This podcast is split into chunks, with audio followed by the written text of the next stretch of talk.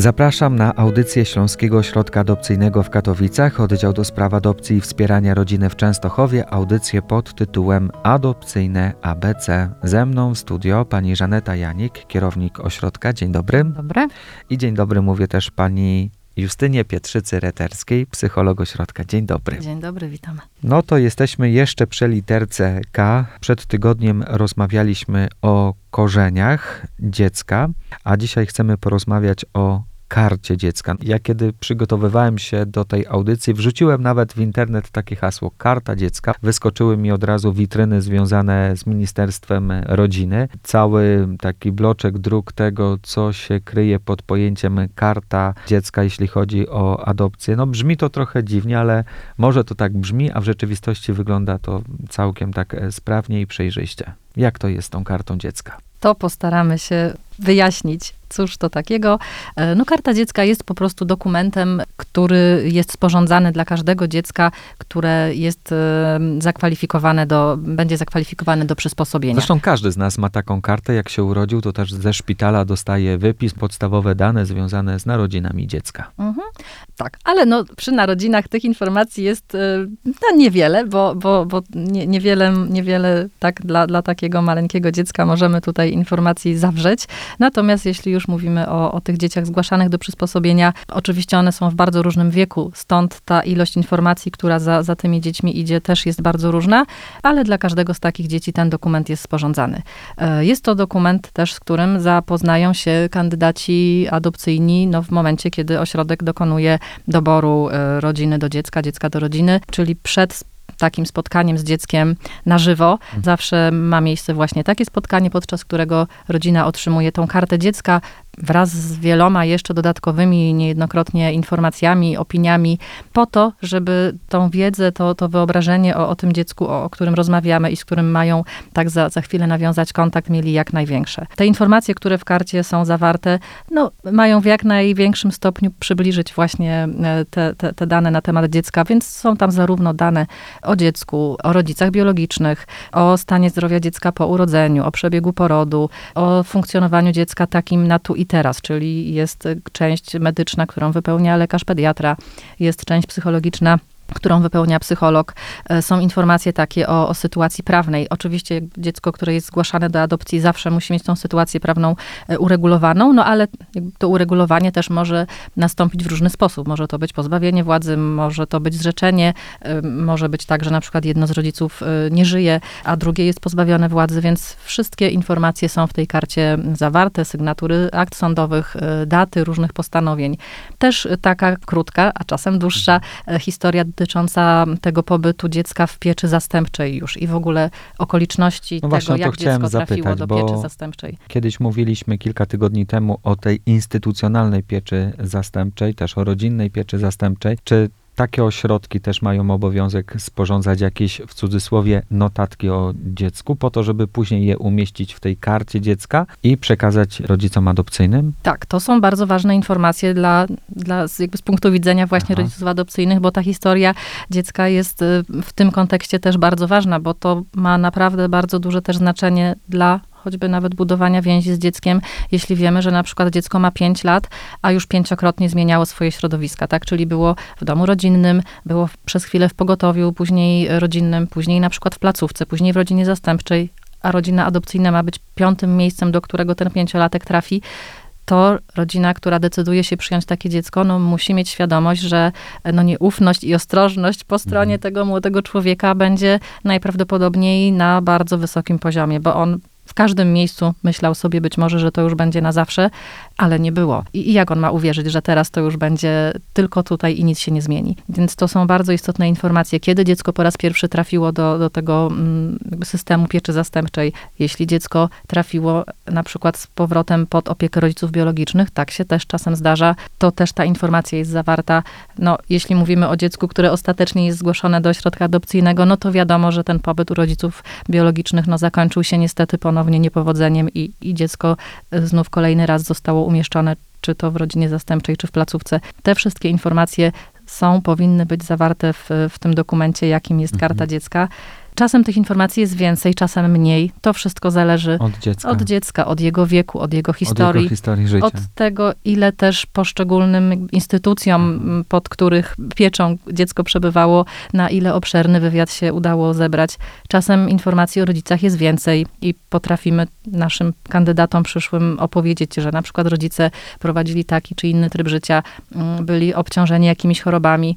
A czasem, no jeśli mamy zapis przy na przykład tacie biologicznym, że ojciec nieznany, to my nie wiemy nic. I, i tutaj może być wszystko tak naprawdę. Możemy się tylko. Domyślać. domyślać, domniemywać, jaka historia jakby jest tego, tego człowieka. Tydzień temu podczas audycji zainteresowała mnie pani takim sformułowaniem, że te karty dziecka, nie wiem czy to pani Żaneta nie mówiła, ta karta dziecka jest rozbudowana poprzez procedury, które są wcześniej już ustalane przez odpowiednie władze państwowe, że kiedyś to było króciutka jakaś notatka, informacja o, o dziecku, ewentualnie o jego sytuacji, a dzisiaj tej papierologii jest trochę więcej. Na korzyść oczywiście dla dziecka. Tak, to zdecydowanie na korzyść dla dziecka. Rzeczywiście zmieniały się druki, na których te, te informacje o dziecku były sporządzane. No i w zależności od tego, jakie tam rubryki się znajdowały, to, to te informacje po, poszczególne instytucje w, wpisywały. Teraz rzeczywiście e, ten druk jest dosyć rozbudowany i jest też taka jakby mm, zasada, że, że tak naprawdę oprócz tych informacji, które w karcie,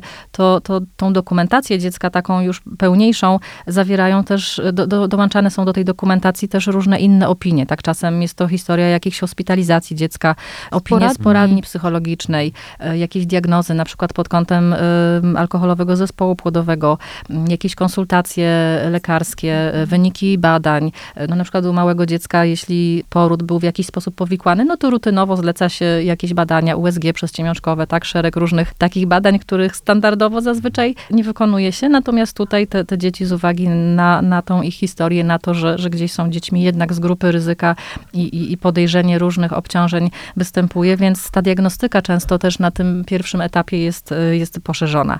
Ale bywa też odwrotnie. Bywa, że jest dziecko, które ma 5-6 lat i tak naprawdę jego od roku jest powiedzmy w pieczy zastępczej, przez kilka lat było pod opieką rodziców biologicznych i, i możemy tutaj mieć... y, lukę tak naprawdę w informacjach. Dziecko czasem może nawet nie mieć książeczki zdrowia, y, może brakować informacji o, o tym, czy mm, obowiązek szczepień był realizowany, więc, więc to jest bardzo, bardzo różnie. Wszystko to, co wie ośrodek na temat dziecka, zawsze zostaje przekazane e, rodzinie adopcyjnej. No i rodzina ostatecznie podejmuje decyzję, czy te informacje, ten pakiet informacji, który otrzymali, mm, jest na tyle y, dla nich satysfakcjonujący i, i na tyle nie budzi jakichś wątpliwości, podejrzeń co do funkcjonowania dziecka, że są gotowi, otwarci na to, żeby z dzieckiem się poznać, spotkać je w miejscu, w którym już ono przebywa. Pani Żaneto, myślę, że tutaj musimy bardzo wyraźnie jeszcze raz mocno podkreślić, że gromadzenie tych wszystkich danych o dziecku jest po to, aby rodzice adopcyjni mieli jak najszerszą wiedzę o nim, po to, aby mogli w przyszłości, jeżeli zajdzie taka potrzeba, konieczność, wiedzieć, gdzie szukać pomocy i z jakiego powodu. Tak, jakby dlatego też to, co powiedziała koleżanka, no jest obszerna, rzeczywiście tej papierologii jest bardzo dużo, natomiast no to jest z korzyścią i dla dziecka, i dla y, naszych rodzin adopcyjnych. Dzięki tym informacjom, jeśli coś się dzieje niepokojącego, to rodziny mogą zawsze przyjść, zadzwonić i słuchajcie, czy my możemy zobaczyć, co tam jeszcze było w tej karcie, żeby ewentualnie diagnosta, który stawia jakąś tam diagnozę, może być to nawet medyczna diagnoza, tak? Czy tam były jakieś zapisy, informacje, które tak naprawdę w momencie doboru, czy w momencie propozycji, kiedy rodzina się poznawała dziecko, nie miały takiego, ale jakiegoś większego znaczenia, ale teraz w momencie jakby konkretnej diagnozy może mieć ogromne znaczenie, tak? Jakby staramy się, tworząc tą kartę dziecka, też jako ośrodek, staramy się w momencie diagnozy takiej, kiedy na przykład rodzina zastępcza czy placówka przychodzą do nas i nasi psycholodzy badają dziecko, my też robimy wywiad z opiekunem, tak? Nie wszystkie te informacje, może być tak, że przychodzi do nas gotowa karta, ale my jeszcze chcemy dodatkowej rozmowy z opiekunem, żeby poszerzyć tę wiedzę, no wiem, na temat rodzica biologicznego, bo czasami pewnych informacji nie ma, a coś opiekunka jeszcze, my dopytując ją tam gdzieś jeszcze o coś, jeszcze jakieś dodatkowe informacje nam na przykład e, przekaże, które później, no, z perspektywy czasu i oczywiście, no, wracając do po- poprzednich tematów, korzeni, jawności, mogą mieć e, tak znaczenie. No, jakby im szersza informacja, no tym lepiej dla rodziny. Czasami jest tych informacji naprawdę niedużo, rodzice często są rodzinami migrującymi, że się przenoszą z miejsca na miejsce, wtedy mamy, jakby jest trudniej, tak? Bo, bo pozostawiają dzieci w danym miejscu, e, gdzie obecnie byli i nam uciekają. Lepiej, jeśli oni gdzieś tam tutaj są na miejscu i te służby pomocy społecznej gdzieś z nimi współpracują, więc jakby na pewno mamy wtedy szerszy obraz. No i automatycznie ta karta dziecka, w niej jest więcej zawartych e, też informacji. Nie wiem, czy dobrze robię, stawiając kolejne pytanie. Może ono być nietrafione w temat, ale czy gromadzenie informacji o dziecku do tej karty dziecka wydłużone w czasie też może spowodować, że przesuwa się jakiś termin adopcji dziecka? Jak to wygląda? Nie, nie, to się absolutnie nie, nie przekłada na to. Tutaj no, znaczenie ma regulacja sytuacji prawnej. Jeśli y, placówka czy rodzina zastępcza, w której dziecko przebywa, wie, że już jest na przykład termin rozprawy wyznaczony, albo uprawomacnia się to postanowienie, to tak naprawdę już jest to moment, że można tak trochę dokumentów już zacząć kompletować i, i już częściowo ten dokument zacząć tworzyć tworzyć. Absolutnie tutaj jakby obszerność tej, tej karty nie, nie, nie, nie ma prawa przekładać się jakby na, na to, że dziecko z tego powodu dłużej, dłużej, dłużej czeka. Znaczy, to nie ma tutaj, pewne rzeczy idą dwutorowo, tak? Mhm. Jedna rzecz idzie i za chwilę kolejna. Jakby pewne rzeczy czasami bywa tak, że tak, dwie, trzy rzeczy do tworzenia karty idą tym samym jakby tempem, tak? Także jakby my działamy na kilka, że tak powiem, frontów kolokwialnie. A jeszcze, a jeszcze... We współpracy z innymi instytucjami, no. tak, z organizatorem pieczy, z rodzinami zastępczymi, więc jakby tutaj już myślę, że, że wszyscy są dosyć wprawieni w tym, jak te dokumenty przygotowywać i, i to raczej idzie sprawnie. I jeszcze jedna sprawa, bo jeżeli dziecko trafi już do adopcji, a wy różnymi kanałami dotrze do was jeszcze informacja o tym dziecku, która się może przydać rodzicom adopcyjnym, to jesteście w stanie oczywiście w swoich notach notatkach umieścić te dodatkowe informacje, ale czy przekazujecie dalej te wiadomości rodzicom adopcyjnym? Słuchajcie, bo dowiedzieliśmy się w ostatnim czasie o tym dziecku tego, tego i tamtego. E, tak, Jak no jakby nawet na świeżo Takie mamy uzupełnianie taką, informacji. Tak, mamy na świeżo taką sytuację, gdzie załóżmy, było najpierw starsze rodzeństwo, zostało zabrane z placówki, e, jakby no, zostało zabrane mamie, trafiło do rodziny adopcyjnej. Po jakimś czasie mama urodziła kolejne dziecko i to dziecko jest w kolejnej już rodzinie adopcyjnej i w tej pierwszej pierwszej rodziny okazało się, że na przykład u, y, tak, u dziecka wykryto jakąś tam wadę genetyczną nerki.